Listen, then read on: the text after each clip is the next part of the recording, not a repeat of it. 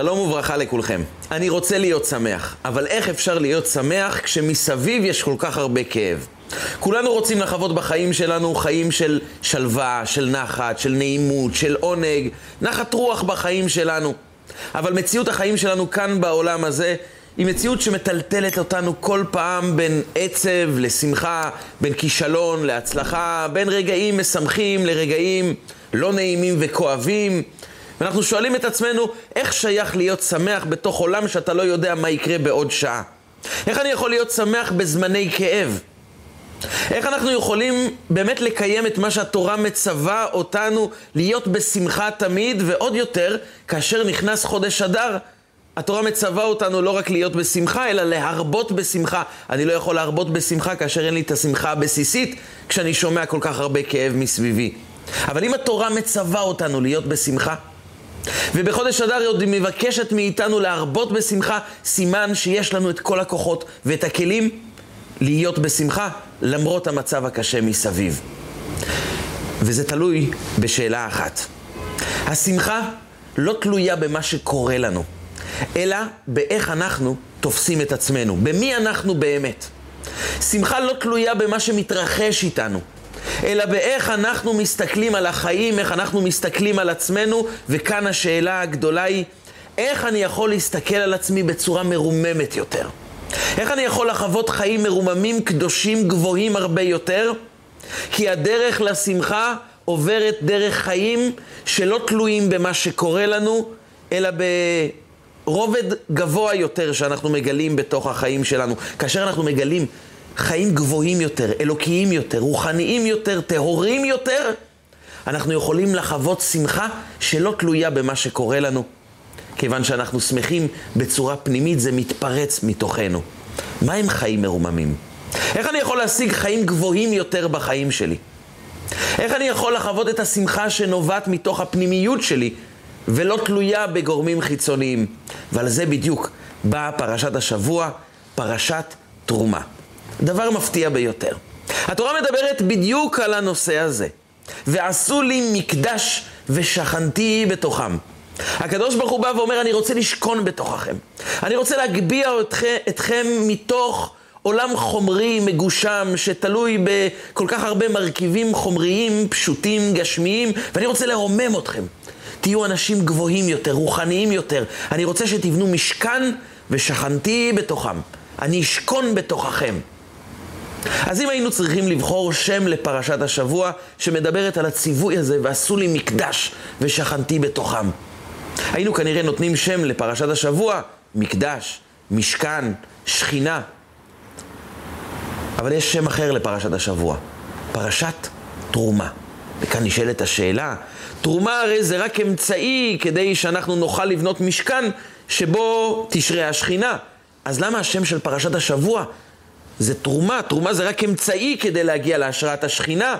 היה יותר מתאים לדבר על הדבר העיקרי, משכן, שכינה. אבל דווקא כאן התורה מלמדת אותנו סוד גדול, כיצד לרומם את החיים שלנו. הסוד נמצא במילה תרומה.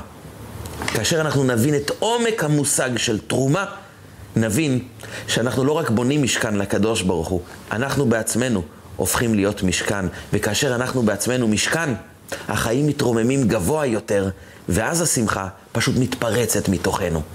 כדי להבין את עומק המושג של תרומה, אנחנו נספר סיפור שמופיע בגמרא במסכת עבודה זרה, דף י"ח, סיפור שבעצם מחבר אותנו אל עומק המושג של עבודת השם, של שמחה פנימית, של תרומה ונתינה אמיתית בחיים שלנו, נתינה כזו שמגביה אותנו גבוה יותר. רגע לפני שניכנס לתוך עומק המושג של תרומה, אני אבקש מכם בקשה אישית. שתפו את השיעור עם עוד אנשים. זה יכול להביא שמחה, הדרכה, צמיחה גבוהה יותר לעוד אנשים, אז תפיצו את השיעור, הרשמו כמנויים, לחצו לייק, תכתבו תגובה. כל תגובה מקדמת את השיעור לעוד אנשים ויכולה להביא בשורה טובה ושמחה לעוד אנשים, ואנחנו נכנסים לעומק המושג של תרומה. להתרומם. הגמרא במסכת עבודה זרה מספרת את הסיפור הבא. זה היה תקופה של אדריאנוס קיסר, 70 שנים לאחר חורבן בית שני. הרומאים אסרו בצורה גורפת את לימוד התורה. מי שהיה לומד תורה היה נהרג. הרומאים לא ויתרו לאף אחד, וקם אחד מגדולי ישראל באותה תקופה בשם רבי חנינא בן תרדיון. רבי חנינא בן תרדיון לא הסכים לעובדה הזאת שיהודים לא ישבו וילמדו תורה. תורה הייתה בעם ישראל כל הדורות. היא תימשך גם בזמן הגזירה, והוא פשוט פתח את שערי בית המדרש. והודיע לכולם, אני מקהיל קהילות ברבים ומלמד תורה. כולכם מוזמנים ללמוד תורה. הוא פתח את ספר התורה בבית המדרש ופשוט היה מלמד יהודים שהיה להם את האומץ לבוא ללמוד תורה. רבי חנינא בן תרדיון לא פחד. ויום אחד הודיעו לו שרבי יוסי בן קיסמא, רבו, חולה. הוא הלך לבקר את רבו רבי יוסי בן קיסמא. ואיך שהוא נכנס לבקר את רבו שחלה את החולי האחרון שלו בחייו. רבי יוסי בן קיסמא פונה לרבי חנינא ואומר לו, רבי חנינא, אתה לא יודע שמלכות הרשעה שולטת עלינו? היא גוזרת עלינו גזרות קשות, היא אסרה לימוד תורה, ואתה מקהיל קהילות ברבים? אתה מסכן את עצמך? למה אתה עושה את זה? אמר לו רבי חנינא בן תרדיון, רבי, מן השמיים ירחמו. אמר לו רבי יוסי, רבי חנינא, אני אומר לך דברים של היגיון ואתה אומר לי מן השמיים ירחמו? הרי אתה מסכן את עצמך. אם אתה תמשיך ככה, ישרפו אותך עם ספר תורה. ורבי חנינא בן תרדיון לא מוכן לסגת מהרעיון שהוא ימשיך ללמד תורה, מה שלא יהיה. הוא בעצם אומר לרבו רבי יוסי בן קיסמא, אני הולך עד הסוף. תורה לא תמוש מעם ישראל, לא ימוש ספר התורה הזה מפיך, והגית בו יומם ולילה. אני מתמסר עם לימוד התורה, אני מבין שהרגעים הקשים האלו הם רגעים של מבחן, אני מוכן למסור את נפשי, רק שלא ימוש ספר התורה הזה מעם ישראל. ורבי יוסי בן קיסמא שותק. הוא חווה כעת רגע של אחד מגדולי ישראל, שמוכן למסור את נפשו בצורה מלאה כדי שהתורה לא תיפסק מעם ישראל. רגע של שקט, משתרר בחדר, ואז שואל רבי חנינא בן תרדיון את רבי יוסי בן קיסמא את השאלה הבאה: רבי, יש דבר אחד שמטריד אותי. האם אני זכאי לחיי העולם הבא? האם יש לי חלק בעולם הבא? התגובה הצפויה הייתה אמורה להיות שרבי יוסי בן קיסמאי יאמר לו, בוודאי שאתה מוסר את נפשך עבור התורה, שאתה מוכן לסכן את עצמך כדי להמשיך ללמד את עם ישראל את התורה, בוודאי שאתה זכאי לחיי העולם הבא. אבל רבי יוסי בן קיסמאי אומר לו, אני לא יודע. תספר לי אולי על איזה מצווה מיוחדת שאתה עושה, ואז אני אדע אם אתה זכאי לחיי העולם הבא. רבי חנינא בן תרדיון חושב רגע ואומר לו, רבי כן, עשיתי איזה מצווה. ואז הוא מספר לו את הסיפור הבא. אני אספתי כסף בשביל עניים בחודש אדר עבור מתנות לאביונים. אספתי כסף. קופה שלמה של כסף התאספה אצלי בשביל העניים. והיה לי עוד קופה, שזו הייתה קופה אישית שלי, כסף אישי שלי, שאני אספתי בשביל סעודת פורים. וכשחילקתי את הכסף לעניים, גיליתי בטעות שחילקתי את הכסף האישי שלי. ואז גיליתי את קופת הצדקה של העניים, ולא לקחתי החזרים עבור עצמי, אלא חילקתי כבר את הכל לצדקה. נתתי גם את הכסף שלי וגם את הכסף שאספתי לצדקה, את הכל נתתי לעניים. רבי יוסי בן קיסמא שומע את הדבר הזה, מתרומם ובשאריות כוחותיו, הוא אומר לו, רבי חנינא, מחלקך יהיה חלקי, הלוואי ואני אזכה לעולם הבא כמו שאתה זכית. מחלקך יהיה חלקי. ודאי שאתה זכאי לעולם הבא, הלוואי ולי יהיה חלק בעולם הבא, כמו שלך יש. הסיפור מסתיים בצורה כואבת. כשרבי יוסי בן קיסמא נפטר, יצאו גדולי רומי ללוות אותו. בחזור מהלוויה, הם גילו את רבי חנינא בן תרדיון מלמד תורה. כרכו ספר תורה סביבו, והוא נשרף על קידוש השם ביחד עם ספר תורה. הוא הספיק להכריז ברגעים האחרונים שלו לביתו, מי שיתבע את עלבונה של תורה, הוא יתבע את עלבוני. כל אחד שייזכר בי, הוא ידע שאני מסרתי את נפשי עבור לימוד התורה. ואז הוא ידע שהתורה יקרה, וגם הוא ילמד תורה, גם הוא יתמסר בשביל התורה. הסיפור נסגר כאן, אבל שואל בעל התניא, אדמו"ר הזקן, בספרו תורה אור, את השאלה הפשוטה שנשאלת מיד. רבי חנינא בן תרדיון עומד מול רבו רבי יוסי בן קיסמא. ומכריז אני מוכן למות על קידוש השם, ובלבד שהתורה תימשך בתוך עם ישראל. והוא שואל את רבו שאלה פשוטה, האם אני זכאי לחיי העולם הבא? ובמקום שרבו יאמר לו, בוודאי שאתה זכאי לחיי העולם הבא.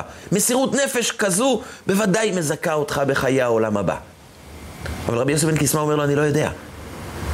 תספר לי על מצווה שעשית. האם לימוד תורה מתוך מסירות נפש, זו לא סיבה מספיקה בשביל לקבל חיי העולם הבא? האם זו לא מצווה ראויה שמזכה את רבי חנינא בן תרדיון לחוות את האור הגדול של העולם הבא? ומה כן מזכה אותו? לפי רבי יוסי בן קיסמא, מה כן מזכה אותו בחיי העולם הבא? דווקא שהוא מספר שהוא נתן את הארנק שלו לצדקה. הוא הרי מוכן לתת את חייו עבור התורה. זה שהוא נתן את הארנק שלו הפרטי לצדקה, זה דווקא מה שמביא אותו לחיי העולם הבא. משהו כאן מעט מוזר. וכאן מסביר בעל התניא, יסוד גדול בחיים שלנו. אומר לו רבי יוסי בן קיסמא, אני רוצה שתדע רבי חנינא, למושג נתינה יש הגדרה עמוקה יותר מההגדרה הכללית שיש כאן בעולם. לא כל אדם שנותן, הוא באמת נותן. הרבה פעמים הוא פשוט מחפש לקבל. יש לנו טבע, והטבע הזה הוא טבע שמביא אותנו, מושך אותנו למעשים טובים. ואותו טבע גם לפעמים מושך אותנו לכיוונים לא רצויים, בהמיים, נחותים. ואנחנו תמיד צריכים לבחון האם הנתינה שלנו היא נובעת מהרובד הטבעי שבתוכנו, או מאמת של נתינה עמוקה, קדושה ואלוקית. אומר לו רבי חנינא בן תרדיון, אומר רבי יוסף בן קיסמא לרבי חנינא, רבי חנינא, תחשוב רגע, לך יש טבע, שהוא נקרא בלשון חכמינו טבע המרה השחורה. טבע המרה השחורה זה לא דווקא דיכאון, זה יכול גם להוביל לדיכאון. אבל טבע המרה השחורה הוא טבע של הסתגרות. של חיבור לאמת פנימית שאני לא מוכן לראות אף אחד מסביבי, אני שקוע בלימוד. אדם עם טבע המרה השחורה הוא אדם שלא מחפש בילויים, לא מחפש הנאות, לא מחפש תענוגות, הוא מחפש אמת, הוא מחפש לימוד. מבחינתו, תכלית החיים זה לשבת, ללמוד, להתבונן, להשקיע בהשגת אמת גבוהה בחיים, להשקיע בלימוד, ומבחינתו כל מה שקורה בעולם לא מעניין אותו. אומר לו רבי יוסי בן קיסמא רבי חנינא, זה שאתה מוכן למות על קידוש השם עבור לימוד התורה, זה טבע שקיים גם אצל אומות העולם. יש הרבה אנשים שלא מחפשים את תענוגות החיים.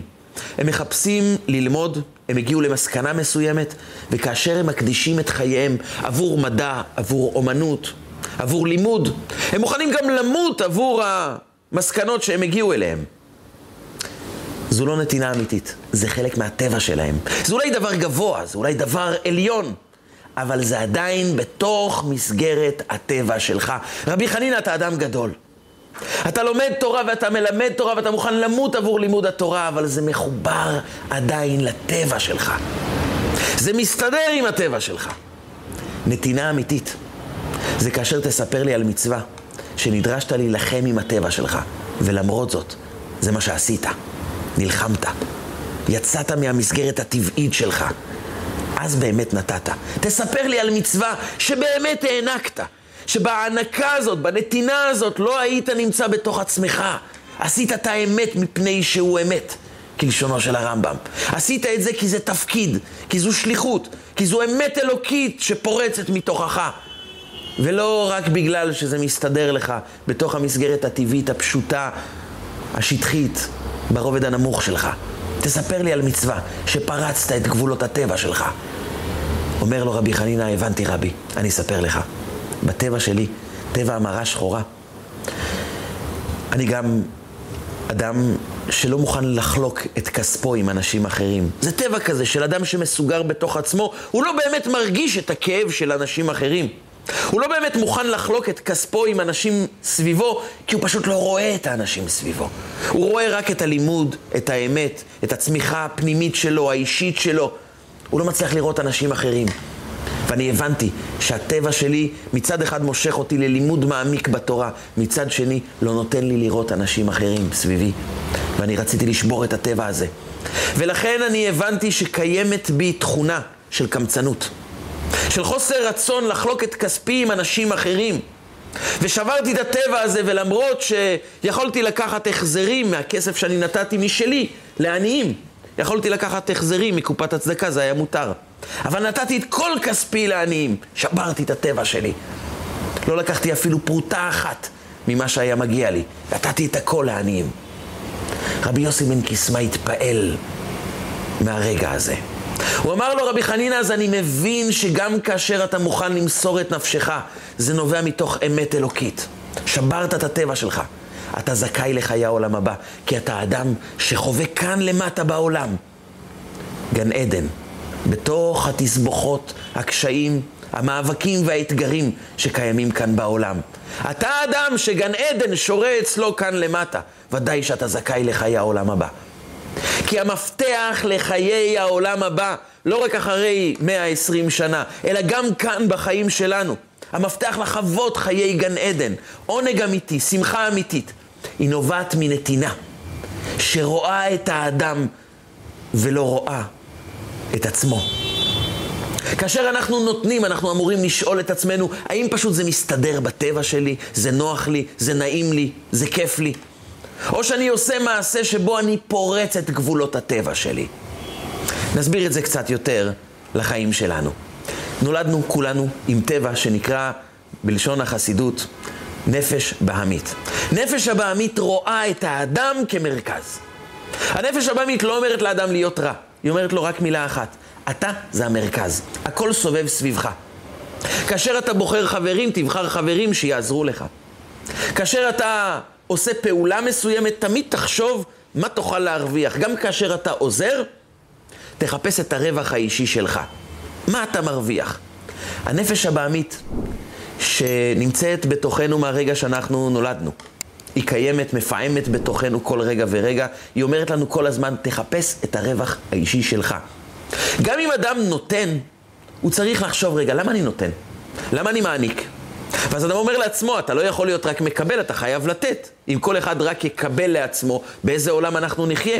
אם אתה רוצה לחיות בעולם טוב, עולם שיעניק לך רוגע, שלווה, חיים טובים, חברה נעימה, משפחה תומכת, אתה חייב גם לתת.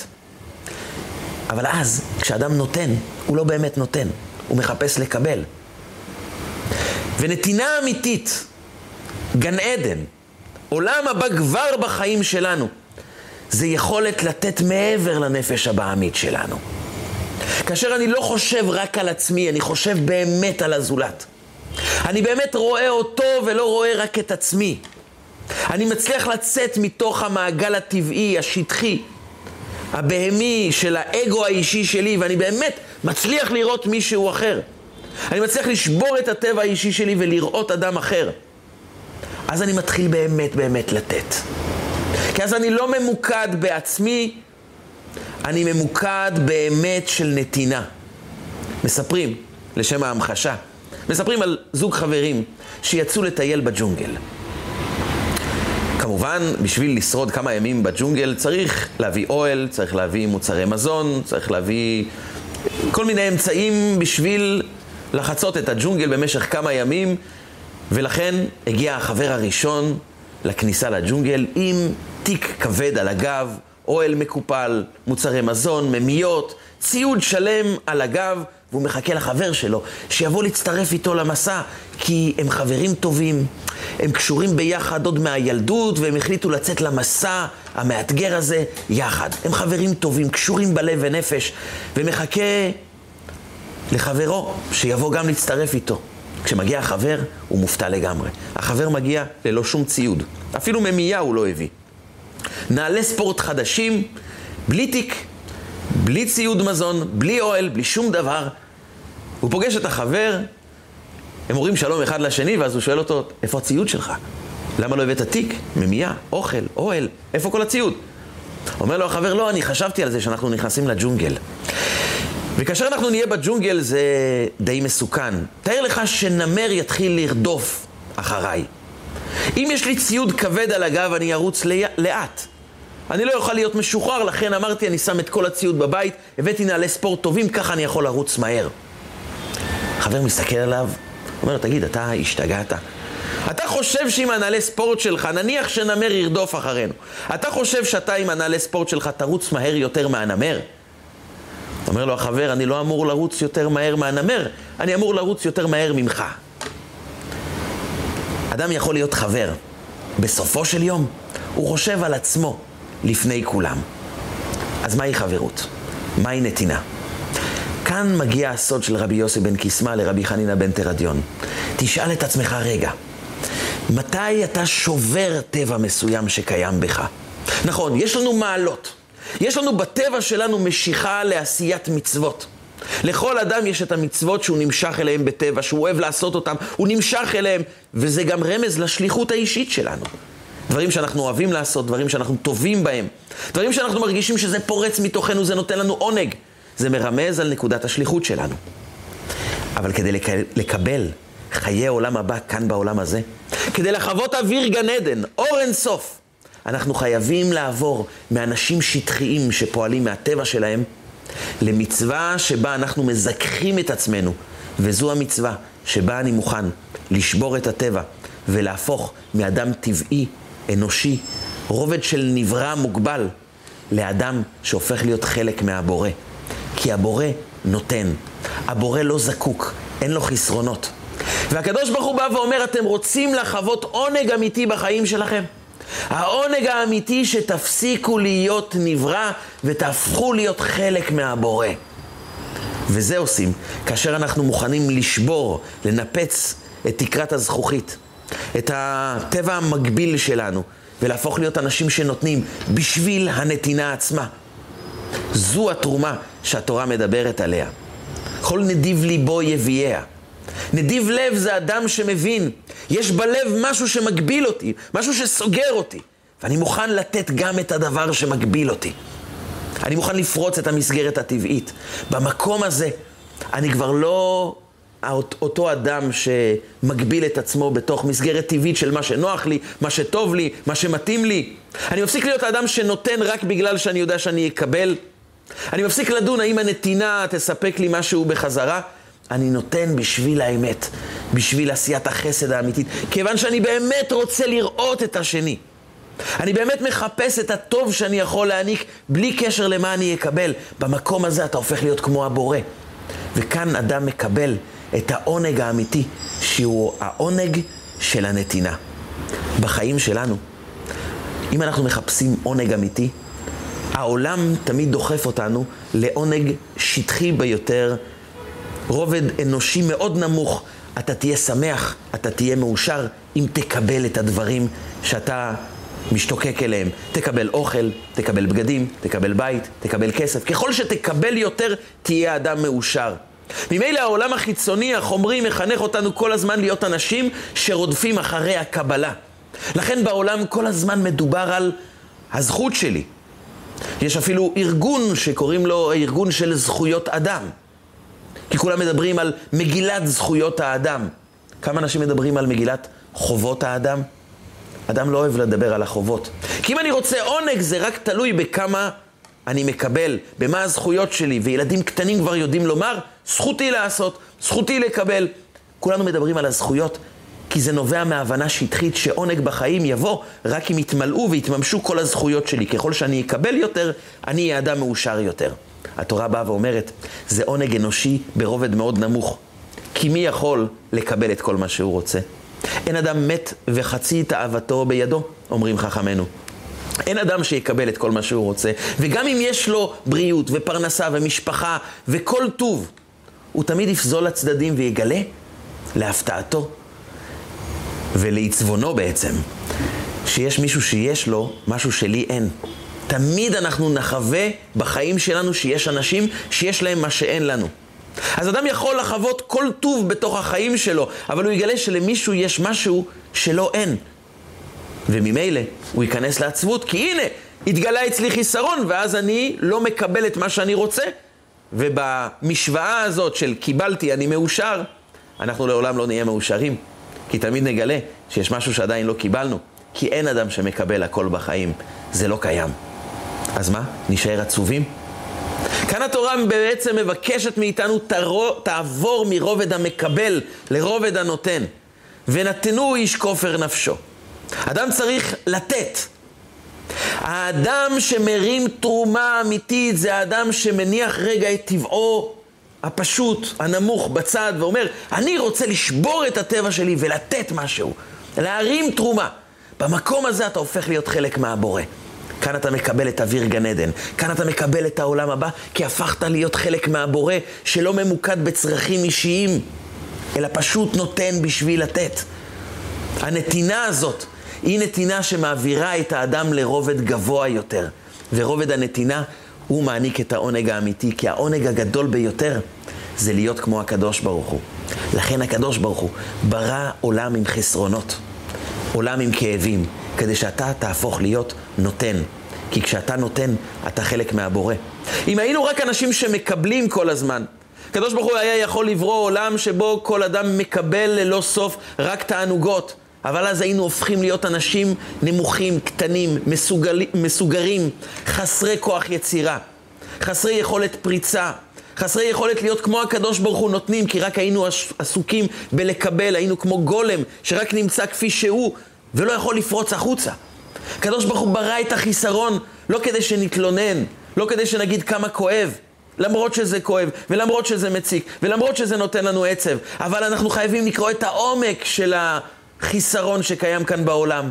זה נועד כדי שאנחנו ניתן, כדי שנהפוך להיות כמו הבורא, כדי שנעניק, כדי שנפרוץ את גבולות הטבע ונגיד, אני מתעלה יותר, אני כעת הופך להיות האדם הנותן. וכשאדם יוצא ממסגרת הנברא והופך להיות חלק מבורא, הוא מתחיל לחיות, לחיות חיים מרוממים, חיים גבוהים יותר. ועל זה נאמר בתורה, תרומה.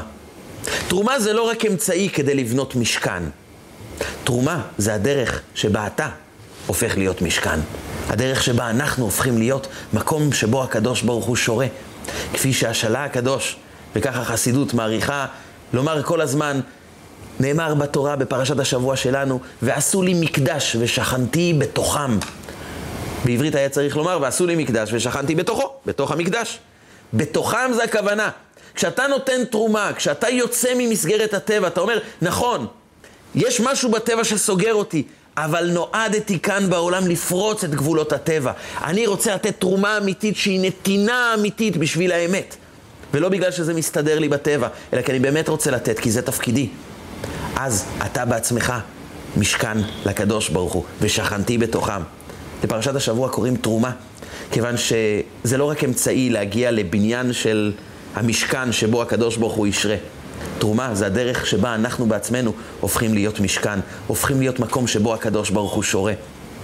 כי כשאתה פורץ את גבולות הטבע, כשאתה מבין שהטבע המקביל זה לא רק לומר, זה הטבע שלי, ככה אני, ככה נבראתי ואני נשאר פה. הטבע הזה נברא כדי שתפרוץ אותו, ואז תעבור מרובד הנברא לבורא, ואז אתה מקבל שכר, אז אתה מקבל את התענוג הגדול, התענוג שהיית, הפכת להיות כמו הבורא, תענוג הנתינה. הוא תענוג גבוה הרבה יותר. נמחיש את הדברים. היה מורה אחד בארצות הברית שהחליט לעשות מחקר שיבדוק את הקבלה מול הנתינה. מה נותן עונג גבוה יותר? הוא חילק את הכיתה לשני חלקים. את הקבוצה הראשונה, הוא אמר להם, אתם קבוצה שכל אחד מכם מקבל 20 דולר. ואני מבקש מכל אחד שינסה לחוות את התענוג הגדול ביותר שהוא יכול להפיק, יכול להוציא מ-20 דולר. אתם משוחררים, בסוף היום תחזרו, וכל אחד צריך לספר מה התענוג הגדול שהוא השיג עם ה-20 דולר שהוא קיבל. כולם יצאו לדרך, כל אחד ניסה לחשוב, רגע, כמה תענוג אני יכול לקבל לחיים שלי עם 20 דולר? אחד אמר לעצמו, אני מאוד מאוד אוהב גלידה. הלך, קנה לעצמו גלידה פיסטוק מיוחדת עם שוקולד, והתענג על אכילת גלידה, הוא ממש ממש נהנה. אחד בחר לעצמו סנדוויץ' ואחד uh, קנה לעצמו איזה משחק, והם חזרו בחזרה לכיתה והמורה הגיש להם דף ואמר להם, תדרגו בבקשה את רמת העונג שהיה לכם ממה שעשיתם עם ה-20 דולרים. תדרגו את רמת העונג שלכם מ-1 עד 10. 1 זה לא היה עונג בכלל, 10 זה תענוג עילאי שלא היה כמוהו. טוב. האדם שאכל גלידה, הוא באמת באמת נהנה מהגלידה. הוא באמת חווה חוויה מאוד נעימה. אבל זו לא החוויה הכי גדולה שהייתה לו בחיים, אז הוא רשם שמונה וחצי. היה לי תענוג של שמונה וחצי, תענוג מאוד מאוד גדול. הוא החזיר את הדפים, ואחרי שלושה ימים המורה פנה אליו שוב פעם ואמר לו, תדרג לי בבקשה את ההנאה שיש לך מהגלידה שאכלת מ-1 עד 10. תלמיד אומר, אבל עברו שלושה ימים, אין לי כל כך תענוג. אומר, תדרג. הוא חשב על זה, אבל כמה כבר תענוג יש לי היום מגלידה שאכלתי לפני שלושה ימים? אבל יש לי קצת זיכרונות נעימים, הוא נתן שלוש. אחרי שבועיים, המורה ניגש אליו ואומר לו, תוכל לדרג לי בבקשה את רמת ההנאה שלך מהגלידה שאכלת? תלמיד שואל אותו, איזה גלידה אתה מדבר? הוא אמר לו, לפני שבועיים אכלת גלידה. הוא אומר, מי זוכר בכלל את הגלידה שאכלתי לפני שבועיים? עכשיו שאני נזכר בזה, אני רק נהיה, נהיה עצוב, כי כעת חסר לי תענוג. לו, תדרג בבקשה את רמת התענוג שיש לך כעת מהגלידה שאכלת לפני שבועיים. הוא דירג אפס, וכמוהו כל החברים שלו. אומר לו, אומר לו המורה, אבל למה זה אפס אם בהתחלה זה היה שמונה וחצי? הוא אומר לו, זה היה תענוג בשעת מעשה, אבל אחרי שבועיים, מה אני מרוויח מהגלידה שאכלתי פעם? הקבוצה השנייה קיבלה גם 20 דולרים. והוא ביקש מכל אחד, לך תעשה את המעשה הכי טוב שאתה יכול, את העזרה הכי גדולה שאתה יכול להעניק לאדם אחר עם ה-20 דולר שקיבלת. צאו לדרך. אחד הסטודנטים פשוט הסתובב במרכז הקניות, ופעם ראשונה שהוא מסתובב עם כסף במרכז קניות ולא חושב על עצמו, חושב על אנשים אחרים, הוא מחפש לראות מי צריך, למי אני יכול לעזור. ואז הוא רואה משהו שהוא ראה לא מעט פעמים. אימא הולכת עם ילד בוכה במרכז קניות. רואים את זה הרבה פעמים. טוב, מן הסתם הילד רצה סוכריה ואימא שלו אמרה לו לא. מעולם הוא לא חשב להתערב בבכי של ילד שאימא שלו מחזיקה לו ביד והם הולכים במרכז הקניות. אבל כיוון שיש לו תפקיד, כיוון שיש לו שליחות כעת, הוא ניגש לאישה והתנצל מאוד ואמר, אני ממש מבקש סליחה, אבל תראי, יש לי בעצם תפקיד, אני, אני במשימה. אולי אני יכול לעזור, אני רואה שהילד בוכה, יש משהו שאני יכול לעזור? היא אומרת, לא, לא, לא, זה משהו פרטי, אתה לא צריך לעזור. הוא אומר לה, תראי, את תעשי לי טובה אם אני אוכל לעזור משהו, אולי תספרי לי, אולי אני כן יכול לעזור. האישה התרככה ואמרה לו, תשמע, אני אם חד-הורית, אין לנו כסף. והילד מחר אמור לצאת לטיול ביחד עם כל חברי הכיתה, הטיול עולה 20 דולר, ואין לי את הכסף הזה. אמרתי לילד שזה או כסף לטיול או כסף לאוכל, ובחיים צריך לדעת לקבל אחרי, אחריות, החלטות. יש סדרי עדיפויות בחיים, והסברתי לו שה-20 דולרים נועדו כדי שנקנה אוכל לבית. ולטיול הוא לא יוכל לצאת. והוא בוכה וממרר בבכי, כי כל החברים הולכים לצאת לטיול, והוא יישאר בבית. הסטודנט נדלק. הוא אמר לה, תשמעי גברתי, את לא מבינה. זה בדיוק הסיבה שאני פה. נשלחתי בדיוק בגלל, בגלל האירוע הזה. בשביל הדבר הזה אני נמצא פה. קחי בבקשה את ה-20 דולרים, תוציאי אותו לטיול. זו הסיבה שיש לי את ה-20 דולר, בדיוק בשביל זה. האישה מתרגשת, לוקחת את ה-20 דולר, והילד פתאום עוצר את הבכי שלו, מסתכל על אימא, ואימא אומרת לו, בני היקר, אתה יוצא לטיול. הדוד היקר משלם לך את הטיול. הילד פתאום פורץ בשמחה מאוד גדולה. עדיין עם העיניים הנוצצות מהדמעות שלו, הוא מסתכל על אותו סטודנט, מחבק אותו ואומר לו תודה, ופתאום חיוך מתפשט לו, והעיניים נוצצות משמחה. והאימא אומרת לו תודה רבה. הוא עוזב אותם עם הדמות של הילד שמחייך מתוך הדמעות, אושר שנסוך על פניו.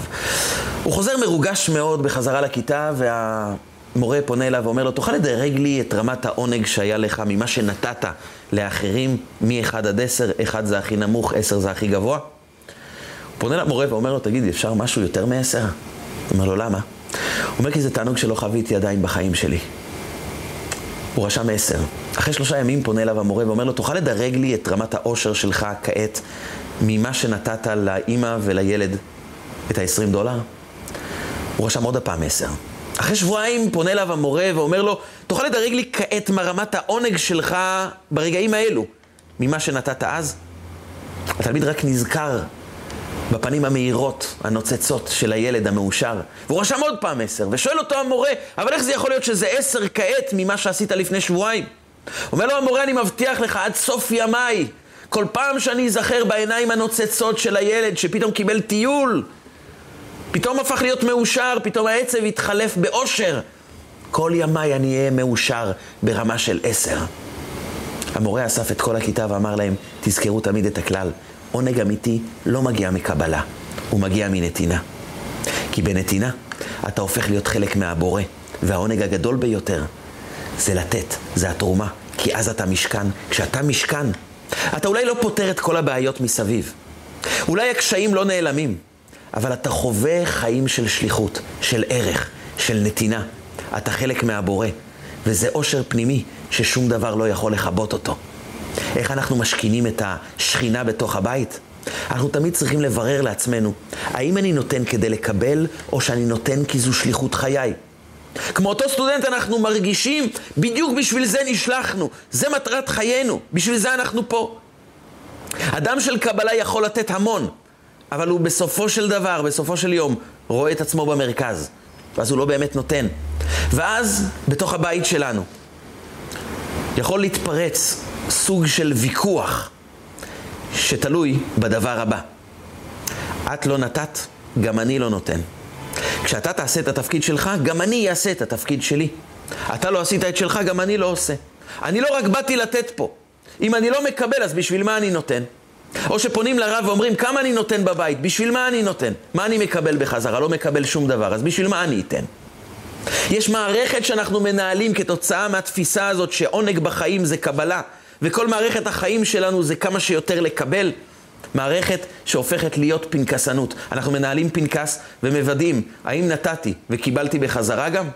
האם אני נותן יותר ממה שאני מקבל? בחיים אנחנו לא נצא מהפנקסנות הזו. כל אחד מבני הזוג או מבני המשפחה ירגיש נתתי יותר ממה שקיבלתי. אין אדם שנותן בשביל לקבל, שמרגיש שהוא קיבל יותר ממה שהוא נתן. כלומר, אדם שנותן בשביל לקבל, תמיד יתחשבן האם קיבלתי והיה שווה להשקיע את הנתינה, וברוב הפעמים אדם ירגיש, אני נותן, שואבים ממני, לוקחים ממני, מה כבר קיבלתי? לא שווה לי להחזיק את המשפחה בצורה כזאת. כי אדם לא מנהל משפחה, הוא מנהל עסקה. הוא מנהל ביזנס. ובביזנס, אם אין לי רווחים יותר מההוצאות, אני לא רוצה להחזיק את הבית, ואז בית מתפרק. אבל אדם חייב לעבור לרובד של נתינה אחרת, להגביה את חייו. תרומה מלשון להתרומם. מה שאני זקוק לו, אני זקוק ללא קשר למה אני נותן. כשאני זקוק לדבר מסוים, אני לא מתעלם מהצרכים שלי, אני פשוט מבקש אותם. אבל אני לא תולה את הנתינה שלי בכמה קיבלתי. כיוון שהנתינה שלי היא שליחות חיי. אם אדם חי בתוך בית ואומר את הנתינה שלי אני נותן ללא קשר למה קיבלתי, גם אם לא נתנו לי. אני צריך לתת כי זו שליחות חיי, כי באתי לתת, כי באתי לרומם את הטבע שלי למקום גבוה יותר. אני משכן לקדוש ברוך הוא. וכשאני משכן, שורה בי השכינה. וזה מדבק את כל בני המשפחה. כי כשאדם חי בתוכו שהנתינה לא תלויה במה אני אקבל, באתי לתת ללא קשר, ללא תלות במה נותנים לי אחרים, זו שליחות חיי.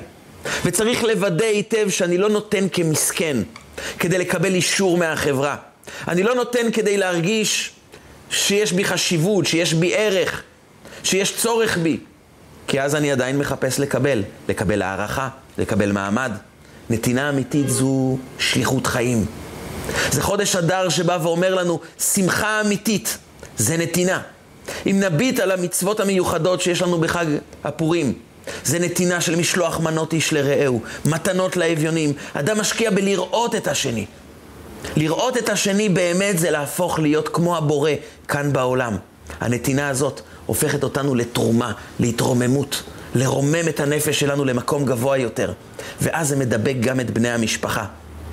אדם שרוצה לקבל, הוא צריך לבקש את מה שהוא צריך. אבל הנתינה שלך תמיד תהיה נתינה מרוממת הרבה יותר. זה הסוד של השמחה שהתורה תמיד מבקשת מאיתנו, כי כשאתה מרומם יותר, אתה מביט על הצורך שיש בך כאן בעולם. אז אתה הופך להיות אדם שנותן, אדם שהוא חלק מהבורא. חיים גבוהים כאלו הם חיים שנותנים לך עונג, שמחה, התרוממות הרוח, כי אתה זוכר תמיד שאתה בתפקיד. אולי הקשיים לא נעלמים, אבל הקשיים הם לא מי שאתה. אתה מרומם הרבה יותר. אני זוכר כשהייתי קטן, סיפרו לנו פעם סיפור על ההבדל בין גן עדן לבין גיהינום. אדם עלה למעלה, ואמרו לו שכיוון שהוא היה אדם טוב, הוא יכול להיכנס לגן עדן, אבל יש לו גם אישור לבקר גם בגיהינום. הוא הגיע לגן עדן, והוא הרגיש אווירה כל כך נעימה, ריח טוב.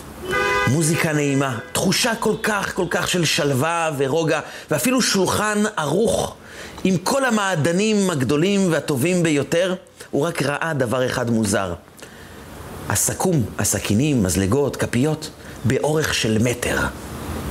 הוא לא הבין למה צריכים סכו"ם, סכין, מזלג, כפית, כף, כל כך גדולים. אבל הוא אמר, טוב, אין פה אף אחד בינתיים, אני אלך לבקר מה קורה בצד השני. הוא מגיע לשם, הוא חשב מי יודע מה הוא יפגוש, אבל הוא רואה אותו דבר בדיוק. אוויר נעים, ריח טוב, אווירה נעימה ושולחן ערוך עם כל המעדנים, וגם שם סכו"ם באורך של מטר. הוא לא הבין, אז מה ההבדל בין גן עדן לבין הצד השני? זה נראה אותו דבר לחלוטין. הוא שאל את אחד האחראים, תגיד, מה ההבדל בין גן עדן לבין הצד השני? זה אותו דבר בדיוק. אז מה הרוויחו אלה שהיו אנשים טובים, שנתנו, שהעניקו, שמסרו את עצמם בשביל הטוב בעולם, לבין אלו שכל הזמן התעסקו רק עם עצמם, שכל הזמן דאגו רק לעצמם וזלזלו בכולם? אומר לו האחראי, אתה פשוט הגעת בהפסקה, חכה שכולם יבואו לסעודה, ואז תראה מה ההבדל. הוא חיכה בצד של הגיהינום, והוא ראה את האנשים באים להתחיל לאכול, ומיד כל אחד מתנפל על האוכל ותוכב את המזלג הענק בתוך החתיכת בשר, כשהוא בא להכניס לפה, כיוון שהמזלג כל כך ארוך, מי שלידו קיבל פשוט מכה. כאשר הוא קיבל מכה, הוא אמר לו, אתה נתת לי מכה, מיד נתן לו מכה בחזרה, והוא אמר לו, אתה ככה הרבצת לי? אני אראה לך מה זה, עם מי אתה חושב שאתה מתעסק? נתן לו גם מכות בחזרה, וככה התרחשה מריבה שלמה בין כולם. אף אחד לא אכל באותו היום, כולם היכו אחד את השני. ואז הוא הבין מה זה מקום של גיהינום. אבל הוא אמר לעצמו, אבל איך עושים בגן עדן? הוא רץ מיד לגן עדן והוא ראה את ההפתעה הגדולה. שם כל אחד לוקח את המזלג הארוך, תוקע את זה בחתיכת הבשר, ונותן לאדם שמולו לאכול. כל אחד נתן לשני. כי ההבדל הגדול הוא את מי אתה רואה. כשאתה רואה את הזולת, אתה מקבל גן עדן. כשאדם רואה את עצמו רק, אז הוא הופך את כל הבית שלו למקום של מריבה אחת גדולה. על ידי התרומה, הנתינה, אנחנו בעצמנו הופכים להיות משכן. זה מה שהתורה אומרת לנו. כאשר תהיו אנשים נותנים, אתם תוכלו לחוות את העונג הגדול ביותר שהתרוממתם והפכתם להיות אנשים גבוהים שמתנהגים כמו הבורא. אנחנו לא יכולים לפתור את כל הקשיים שקיימים כאן בעולם. אנחנו יכולים להביא קצת מאוויר גן עדן לתוך הבית שלנו, לתוך האנשים שסובבים אותנו. כאשר אנחנו נתרומם, נהפוך להיות משכן, נהיה אנשים שמחים יותר, נזכה שהקדוש ברוך הוא יראה בצרותינו ויאמר די לצרותינו, וישלח לנו כבר את העולם שכולנו מחכים לו, עולם של גאולה שלמה, עם משיח צדקנו, יבוא ויגלנו במהרה בימינו, אמן ואמן.